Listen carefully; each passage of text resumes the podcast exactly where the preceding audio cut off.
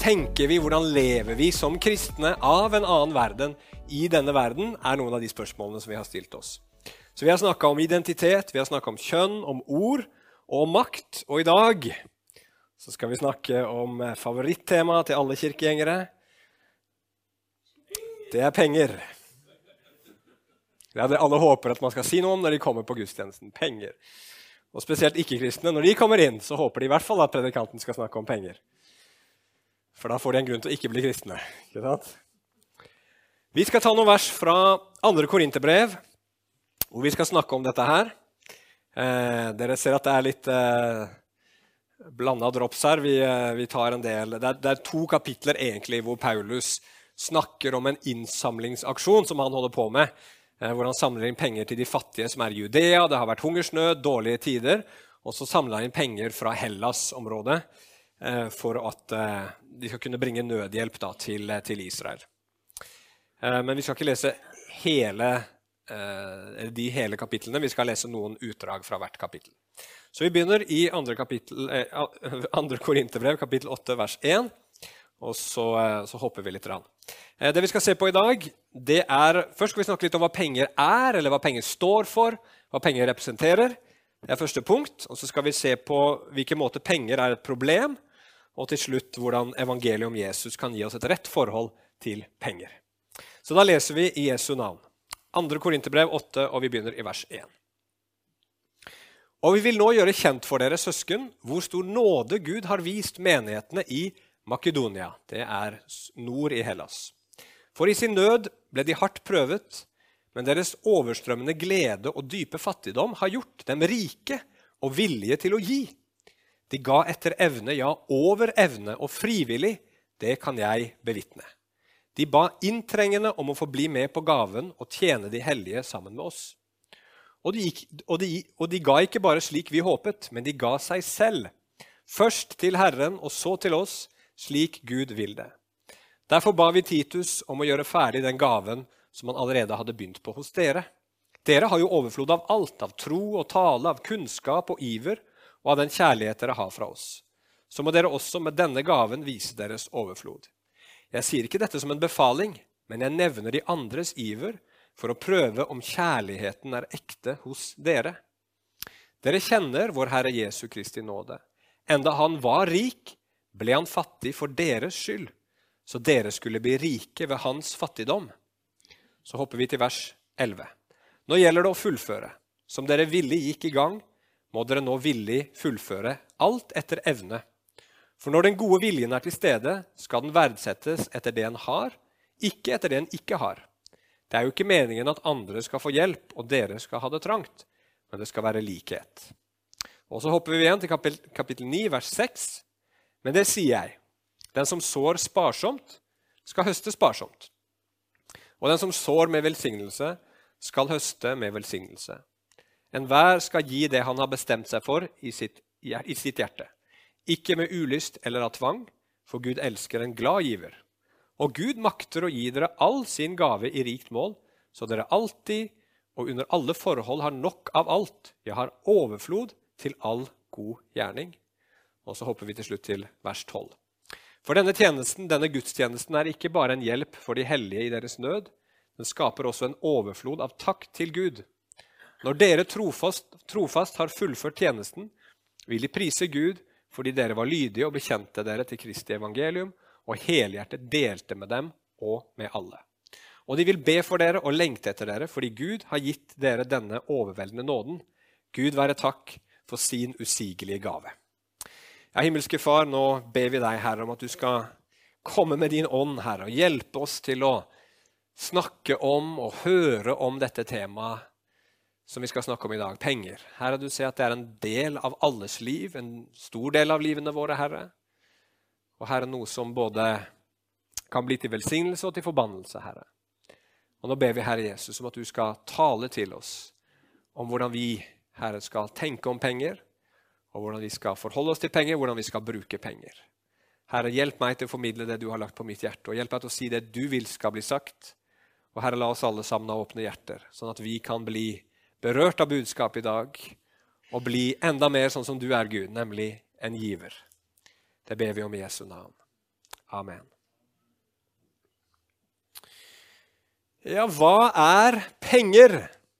Det er kanskje et litt dumt spørsmål, for de fleste vet jo egentlig hva penger er. Men eh, penger er noe litt mer enn bare noen objekter, noen mynter og noen sedler som vi har i pengene våre, eller som i disse dager stort sett bare er tall på en skjerm. Eh, som vi liksom bruker et lite plastikkort for å, for å, for å bruke.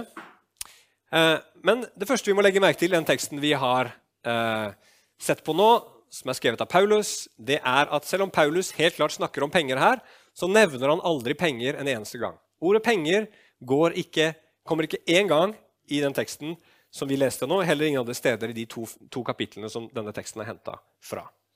Og det tenker jeg er fordi at For Paulus er ikke pengene i seg selv det essensielle, men hva pengene representerer, hva pengene handler om. Og Sånn tror jeg det er egentlig for alle mennesker. Penger i seg selv er ikke så viktig, men det handler om hva pengene peker på, hva de representerer i vårt liv, og hva så klart vi kan gjøre med disse pengene. Det er jo det det handler om. Så hva er det penger står for? Jo, helt sånn grunnleggende så er jo penger noe som representerer ting. Det er ca. 5000 år siden man oppfant penger. Og I begynnelsen så brukte man skjell eller hvaltenner, har jeg lest meg opp på. Lær ble brukt som penger etter hvert. Metall kjenner vi jo til.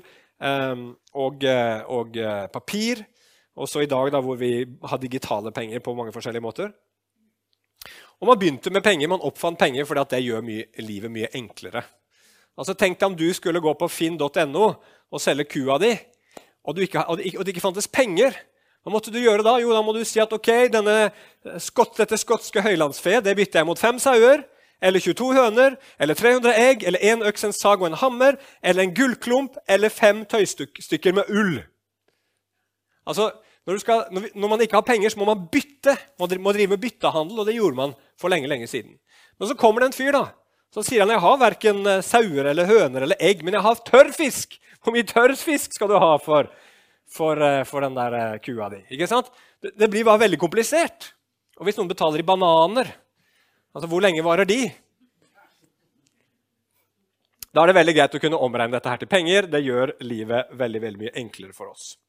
Uh, og det er mange andre grunner til at penger er praktisk.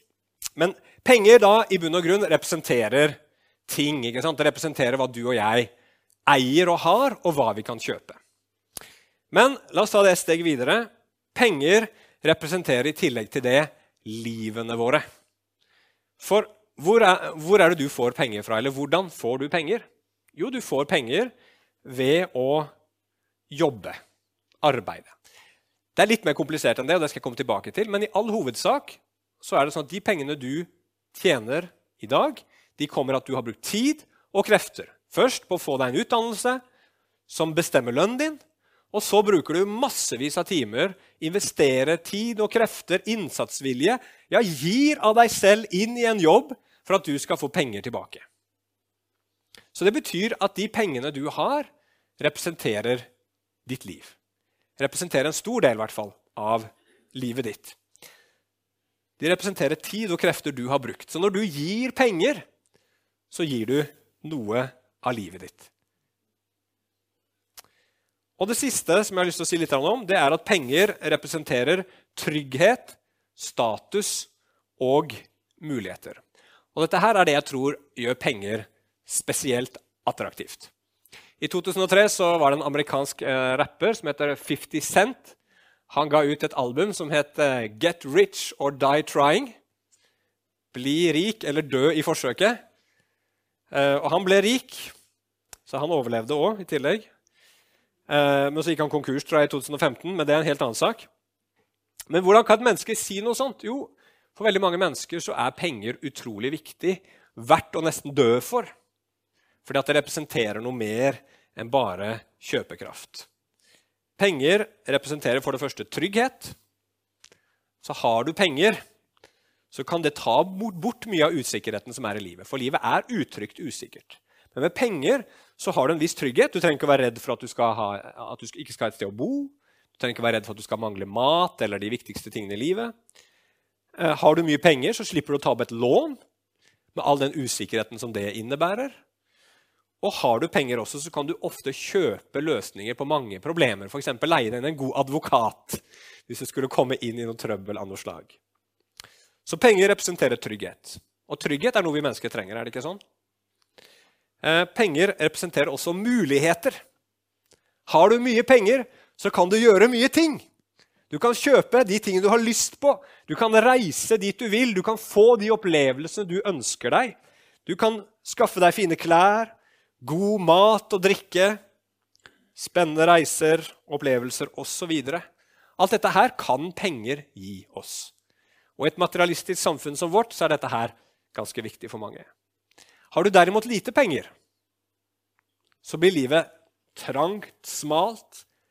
Du har mindre muligheter, du kan gjøre mindre. Og så er det status. Penger gir en følelse av verdi. Altså, penger representerer jo en økonomisk verdi, men det handler også om en samfunnsmessig verdi. En som er rik, er en som andre ser opp til. Er du rik, så vil andre behandle deg med litt mer respekt. Kanskje. Antageligvis. Eh, mange mennesker vil være vennen din hvis du er rik. Og mange mennesker tenker at du er viktig. Så penger gjør at man får en følelse av status, en følelse av at man er noe spesielt. Det hjelper på selvfølelsen. Så den første konklusjonen min er at penger er mer enn penger. Penger står for noe mer, penger representerer noe mer. Det, er klart det står for rikdommen min, men det står også for en stor del av livet mitt. Det står for trygghet, det står for muligheter, og det står for status. Og det skaper et problem. Og det skal vi se på nå. Problemet med penger. Jeg var inne på det i stad. Den teksten vi nettopp leste, er et utdrag fra Paulus sin innsamlingsaksjon eh, til de kristne i Judea, som var veldig fattige i utgangspunktet, og som ble ramma av en hungersnød. Det var uår, og nå var det virkelig trange kår for dem.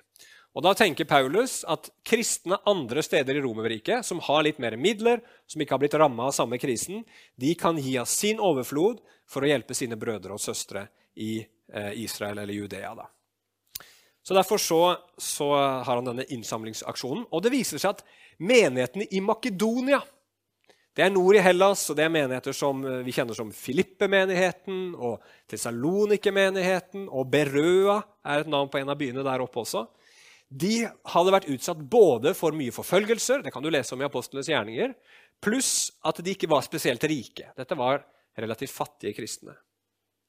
Men de som hadde så lite, de ga utrolig mye. De ga ikke bare etter evne, ifølge Paulus, men de ga over evne. Og Så skriver han brevet nå til menigheten i Korint, som var en mye mer velstående menighet. De hadde alt, sier Paulus. De var rike både på åndelige gaver og på, på, på økonomisk velstand. Korint var en mye rikere by. Det var en handelsby i sør i Hellas. Og så prøver han å oppmuntre dem også til å gi. De har lovt de skal gi, men de har tydeligvis ikke gitt så mye. Iren var ikke så stor hos de rike, sånn som det var hos de fattige. Og hvorfor i all verden var det sånn? Vel, det samme problemet har vi faktisk i verden i dag. Nå har jeg vært og henta litt statistikk på Internett. Eh, dette her er fra 2015, og da er det sånn at eh, eh, på det tidspunktet, og jeg tror ikke det har blitt noe bedre nå, så var det sånn, hvis vi ser helt til, til på deres venstre side da, så er det sånn at 71 av verdens befolkning Ja, hvorfor skjedde det? De eier 3% av rikdommen. Mens det som er på høyre side, viser oss at 0,7 av verdens befolkning eier 45,2% av rikdommen. Man skulle jo forvente at det var litt ujevn fordeling i verden. Eh, det er ikke så, så unormalt. Folk har eh, forskjellige evner til å forvalte penger, folk har forskjellig utgangspunkt osv. Men dette her er jo veldig spesielt, at det er så ekstremt ujevnt. Og når vi i tillegg vet at ut fra noen statistikker over 800 millioner mennesker sulter, så er det noe som er galt. For det fins jo nok til alle. Det burde jo ikke være sånn at så fryktelig mye rikdom hoper seg opp hos noen. Og Hva er løsningen på det problemet her? Da Jo, da sier Paulus i kapittel 8 vers 13 at løsningen er at de som har mye, deler med de som har lite. Og Det er jo ikke rakettvitenskap, det. Det skjønner vi at det er en ganske grei løsning. Men det skjer ikke. Det skjer ikke i verden at de som er rike, deler med de som er fattige. Så klart fins det mennesker som gir, men det monner ganske lite. Eh, og Da er det veldig lett å tenke ja, det er de der 0,7 prosentene der, er deres feil. Det er de som burde gitt. Men saken er det at hvis du hadde vært blant de 0,7 prosentene, eller jeg hadde vært det, så tviler jeg på om vi hadde vært så mye mer sjenerøse enn det de er. De gir ganske mye sånn i rene kroner og øre eller dollar og cent eller hva du vil si for noe, men ut fra hva de har, så er det ikke prosentmessig snakk om så fryktelig mye. Vi hadde ikke vært noe bedre om vi var i den gruppen. Og nå skal ikke jeg prøve å sette meg selv på en pidestall her. Vi er alle sammen i samme båt. Men jeg tror at problemet i verden i dag det er ikke at vi ikke Eller det er at vi egentlig ikke gir. Det vi gjør stort sett, det er at vi investerer. Men det mener jeg at altså investering det er å gi for å få. ikke sant?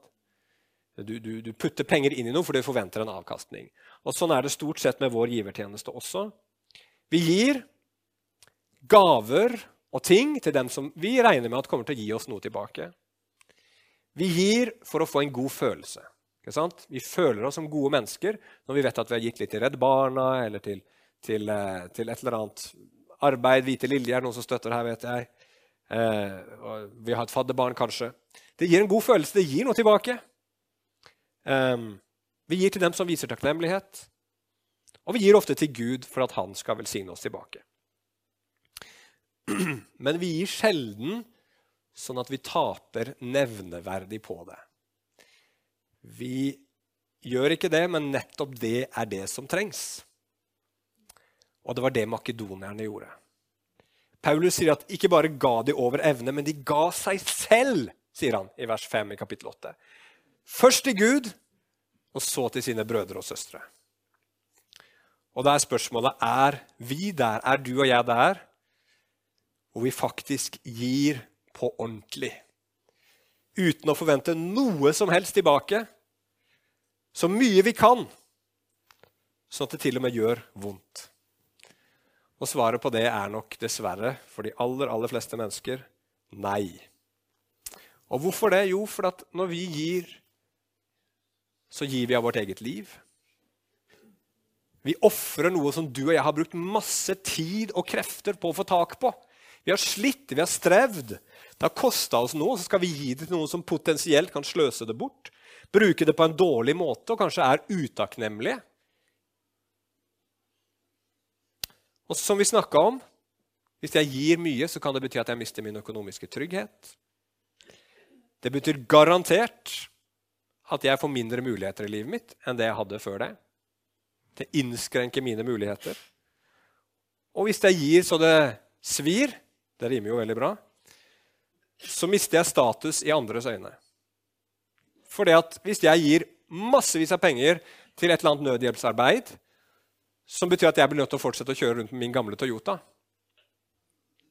for eksempel og mine venner da har fått seg nye, flotte elbiler, og jeg kjører rundt med den gamle Toyotaen. Ikke sant? Det, det, føles ikke alltid så godt.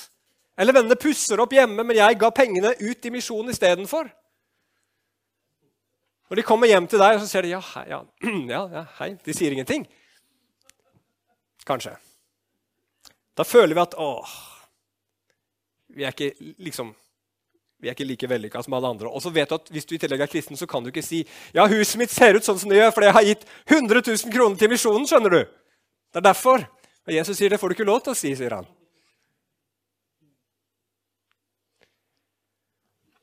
Og her ser vi at penger representerer noe mer enn det jeg allerede har nevnt. Penger representerer faktisk ditt og mitt hjerte. Det er det det handler om. Og Jesus sa der ditt hjerte er, der vil din skatt også være. Så pengebruken vår viser hva som bor i hjertet vårt. Og hvor mange av oss har ikke en pengebruk som viser at det bor en egoist der inne? Og jeg, jeg er eh, fullstendig i den kategorien. Jeg setter meg ikke på noe pidestall i det hele tatt. Jeg er redd at det skal komme et lyn fra himmelen og slå ned i meg jeg ikke sier det. Men Bibelen sier, og, og, og, og Luther av alle mennesker, han så det at dette her handler om enda mer enn at vi er egoister. Dette handler om avgudsdyrkelse. Og Hvis du har lest den eh, store katekismen til Luther Jeg har ikke lest hele, jeg har lest litt av hvert her og der. så sier han følgende om det første bud du skal ikke ha andre guder enn meg. Det er mange som mener at de har Gud og fullt opp av alle ting når de har gull og gods. De stoler på det og brysker seg av det, altså skryter av det, og er så stolte og sikre at de gir en god dag i alle andre. Se, slike mennesker har også en gud. Han heter Mammon. Det er gull og gods som de setter hele sitt hjerte til. Det er også den mest alminnelige avgud på jorden. Den som har gull og gods, han føler seg sikker. Han er så glad og fornøyd som om han satt midt i paradis. Og på den annen side, den som ikke har noe, han tviler og holder på å gi opp, som man ikke visste om noen Gud. En finner nok svært få som er ved godt mot og ikke sørger eller klager når de ikke har mammon. Det er noe som henger ved naturen vår like til graven, sier Luther, og jeg tror han treffer spikeren på hodet. Penger det er ikke bare noe som er fint å ha. For mange mennesker så er det noe vi føler vi må ha. Og har vi det ikke, så føler vi oss deprimerte, vi føler oss verdiløse, og vi blir redde. Og Det viser at penger har blitt en gud, mammon, som Jesus kaller pengeavguden. Så hva er løsningen i en urettferdig verden hvor penger avslører den egoismen som bor i alle menneskers hjerte? Er det kommunisme? Å tvinge alle sammen til å gi fra seg det de har, og så distribuere det likt? Sånn at den der grafen vi så i stad, skal bli helt jevn? Og svaret på det er nei. Det er mange grunner til det. jeg skal ikke komme inn på det, men Hvis du leser litt historie, så skjønner du at kommunisme ikke funker så bra. Men fra et bibelsk ståsted så er den aller viktigste grunnen til det at hvis du bare kjører en sånn kommunistisk løsning, så gjør du bare noe med overflaten av problemet. Og du gjør ingenting med menneskets hjerte. Fordi at våre hjerter, gjennom det vi bruker penger til, åpenbarer at penger og oss selv er viktigere enn Gud og andre mennesker. Og så åpenbarer det at vi er fortapt. En urettferdig verden er en verden som avslører at den er fortapt. Den har kommet bort fra Gud. Og nå skal vi løfte blikket og se på Jesus. Hvordan kan Jesus forandre vårt forhold til penger? Korinterne de var sånn som mange av oss. De hadde mye, men de ga lite. Men hvordan kan vi bli med som makedonierne? De hadde lite, men ga mye. Det er ikke målet å ha lite, men målet er å gi mye. så klart. Og de gjorde det frivillig, står det, og de gjorde det til og med med glede. Og så står det i Bibelen at Gud han elsker en glad giver. Det er ikke fordi at Gud ikke elsker alle mennesker, for det gjør han, men det er noe som gleder Guds hjerte når gaver blir gitt frivillig, uten tvang, men fordi man bare ønsker å velsigne og være sjenerøs mot andre. Er det meg, eller? Nei. Skal vi se. Det kan være skjeggstubbene mine her som skraper borti. Hva var det som hadde skjedd med makedonierne, og hvordan kan det skje med oss? Hvis du har gått på søndagsskolen, så har du hørt historien om Sakkeus. Den står, står, i Lukas kapittel 19. Han var en veldig rik mann, forteller Bibelen, og han var overtoller. Det vil si at han var sjef for de som drev Eh, sånn tollinndragelse i Israel på den tiden. Og Det betyr at de jobba for romerne. Og romernes taktikk når de inntok og okkuperte et land, det var å tyne det maksimalt, sånn at de ikke skulle få økonomisk kraft til å kunne gjøre opprør og skape problemer. Og det gjorde de da ved å ta så mye penger som de kunne fra dem. Og For å ta de pengene så samarbeida de med lokale folk som kunne språk og kulturen, som jobba som tollere og som samla inn skatt og avgifter der de kunne. Og Vi kan jo føle det sånn i Norge noen ganger òg, kanskje. Men eh, forskjellen var at der fikk du ingenting tilbake. Alle pengene gikk til Roma for å bygge ja, store monumenter. og liksom, Det regna over keiseren og, og hans eh, eh medhjelpere. Så eh, Sakkeus, når han jobba som overtoller, så jobba han for okkupasjonsmakten, som undertrykte Israel Eh, og, og, og stjal pengene deres, egentlig. Så Sakkeus var en som satte penger høyere enn sitt eget land, sin egen nasjon, Ja, sin egen familie antageligvis. Han var nok en mann som hadde satt pengene over alt. Men han var ikke særlig lykkelig. Og Derfor så blir han desperat. Oppsøker Jesus. Han var liten av vekst. Folkemengden ville ikke slippe han forbi. De likte han ikke antageligvis. Så han er nødt til å klatre opp i et tre. Er det noen som husker hva slags tre det var? Morbærtrea. Det har vi lært på søndagsskolen. Og så satt han for å se om han kunne se Jesus. Og når Jesus kommer, så gjør Jesus noe helt utrolig. Av alle mennesker som har møtt opp, så er det Sakkeus han gir oppmerksomhet. Og så sier han til Sakkeus, 'Kom ned, for i dag vil jeg gjeste ditt hus'.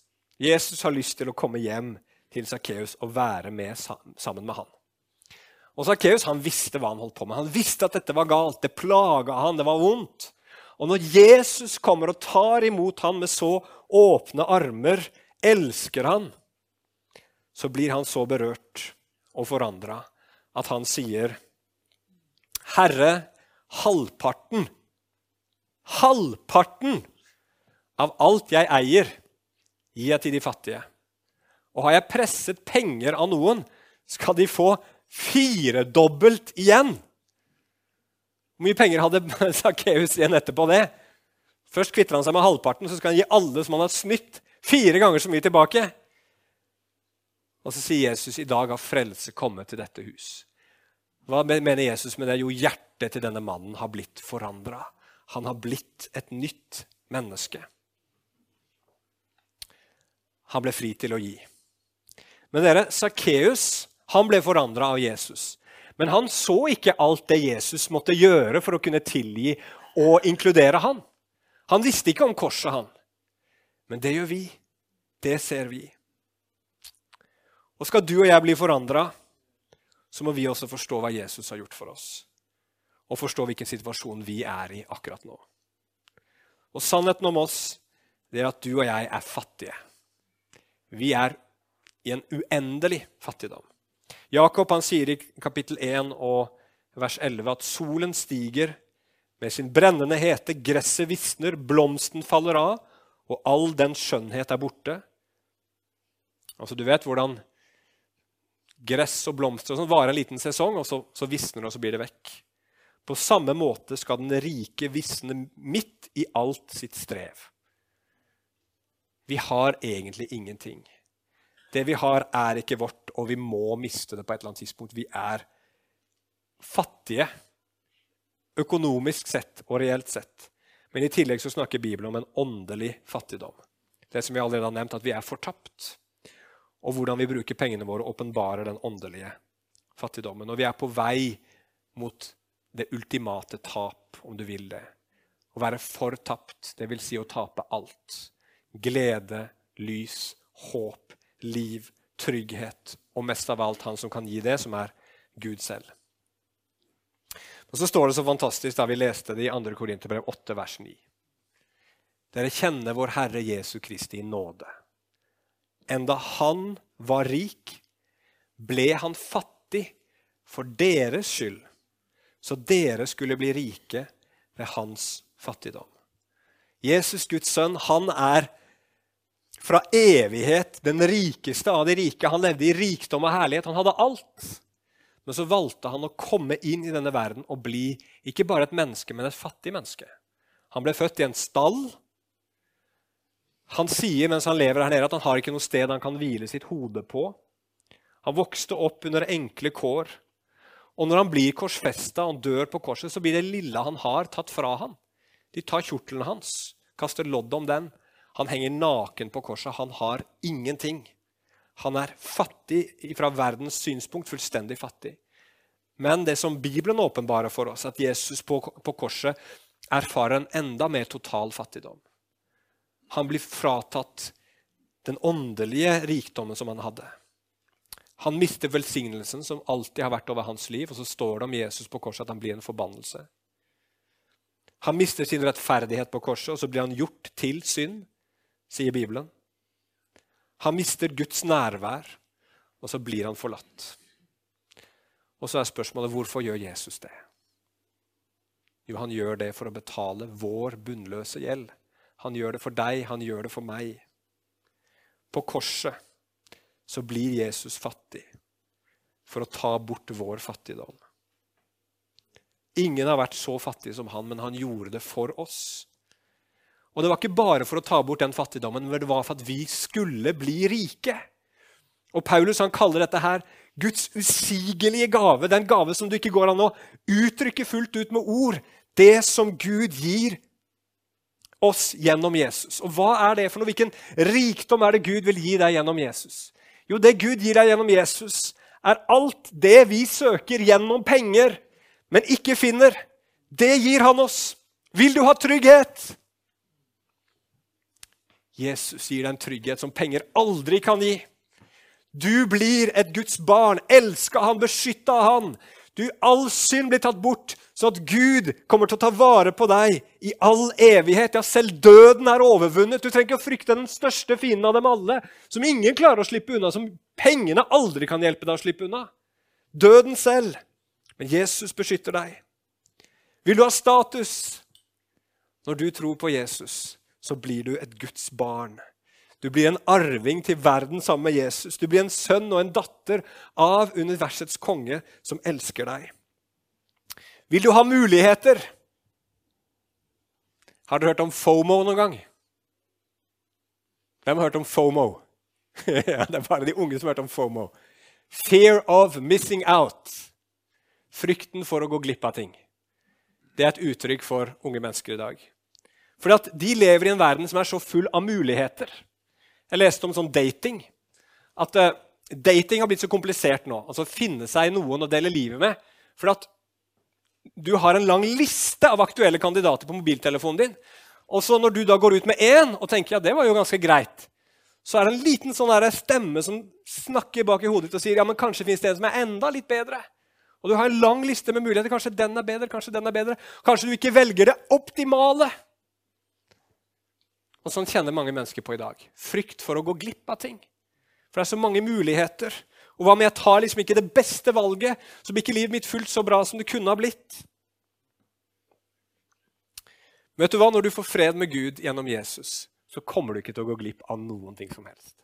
Det er sannheten. Jeg sier ikke at dette livet her kommer til å gi deg alt det du lengter etter og håper på.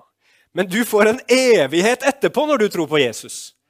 Det går ikke an å gå glipp av noe. Det er ikke mulig. Når du lever evig, så kan du faktisk ikke gå glipp av noen ting. For du har en evighet på alt. Det er jo litt bra, det, da. Og den evigheten blir så bra at dette livet her nede blir som svart-hvitt-TV uten lyd i forhold. Og ikke nok med det. Gud lover at i dette livet så skal han sørge for deg. Når du gir så vil han velsigne deg, så du kan gi enda mer. Og tenk på det. Alt sammen er virkelig nåde. Det er Guds nåde, alt sammen. Og selv de pengene du tenker at du har jobba så hardt for og slitt så hardt for å tjene inn, er når alt kommer til alt også Guds nåde. For hvem har gitt deg evnene du har? Har du fått det til sjøl? Gud har gitt det til deg. Og Hvis du hadde vært født i Afghanistan og ikke Norge, eller hvor du enn er født, så kunne du jobbe aldri så mye du ville, men du hadde ikke klart å bli så rik som du er nå. Du har fått så mange ting som gjør at alt det du har, til syvende og sist er Guds nåde, gave. Og hva skal du gjøre med det du har fått? Jo, Det er helt klart i Bibelen at det vi har fått, det skal vi bruke til å fylle våre og våre nærmestes behov. Det er helt klart at det vi har fått, det skal vi forvalte på en god måte, så det kan vokse. Men hovedmålet er at det vi ikke trenger selv, det skal vi gi til de som trenger det. Og Da forstår vi at 10% i Det nye testamentet nok bare er en nedre grense, ikke en øvre. Det er lov å gi mer. Og heldigvis så kom ikke Jesus til jorda og sa jeg er her, jeg er her for å gi tienden. Nei, han ga hele livet sitt. Han ga 100 og dere, Hvis du og jeg kan bli sånn, hvis alle vi som tror på Jesus, kan bli så prega av det som Jesus har gjort for oss, at vi begynner å gi og gi og gi, så skjer det to ting. For det første så blir verden et bedre sted. Og så får Gud lyse fram gjennom våre liv. Og da blir det til hans ære, og da vil mange prise Gud for hans usigelige gave, som Paulus sier. Og da er spørsmålet til oss alle sammen vil vi være en sånn. Og vil du bli en sånn, så må du se på Jesus. Vil du bli en sånn, så må du leve nær Jesus. Vil du bli en sånn, så må du la Jesu verk fylle livet ditt dag etter dag etter dag. Da blir ikke sjenerøsitet noe vanskelig. Da blir det noe som naturlig flyter ut av livet ditt. Da blir det noe som du bare vil gjøre fordi Gud har vært så sjenerøs imot deg. Og det blir til hans ære. La oss be til slutt. Kjære himmelske Far. Takk for at du ga alt for oss. Absolutt alt. Du ga alt for at vi skulle bli fri. Fri fra alle bånd og lenker, som vi sang her i stad. Synden som så lett fanger oss, synden som så lett binder oss. Synden som kommer inn på så mange områder i livet vårt, også når det gjelder pengene, Herre.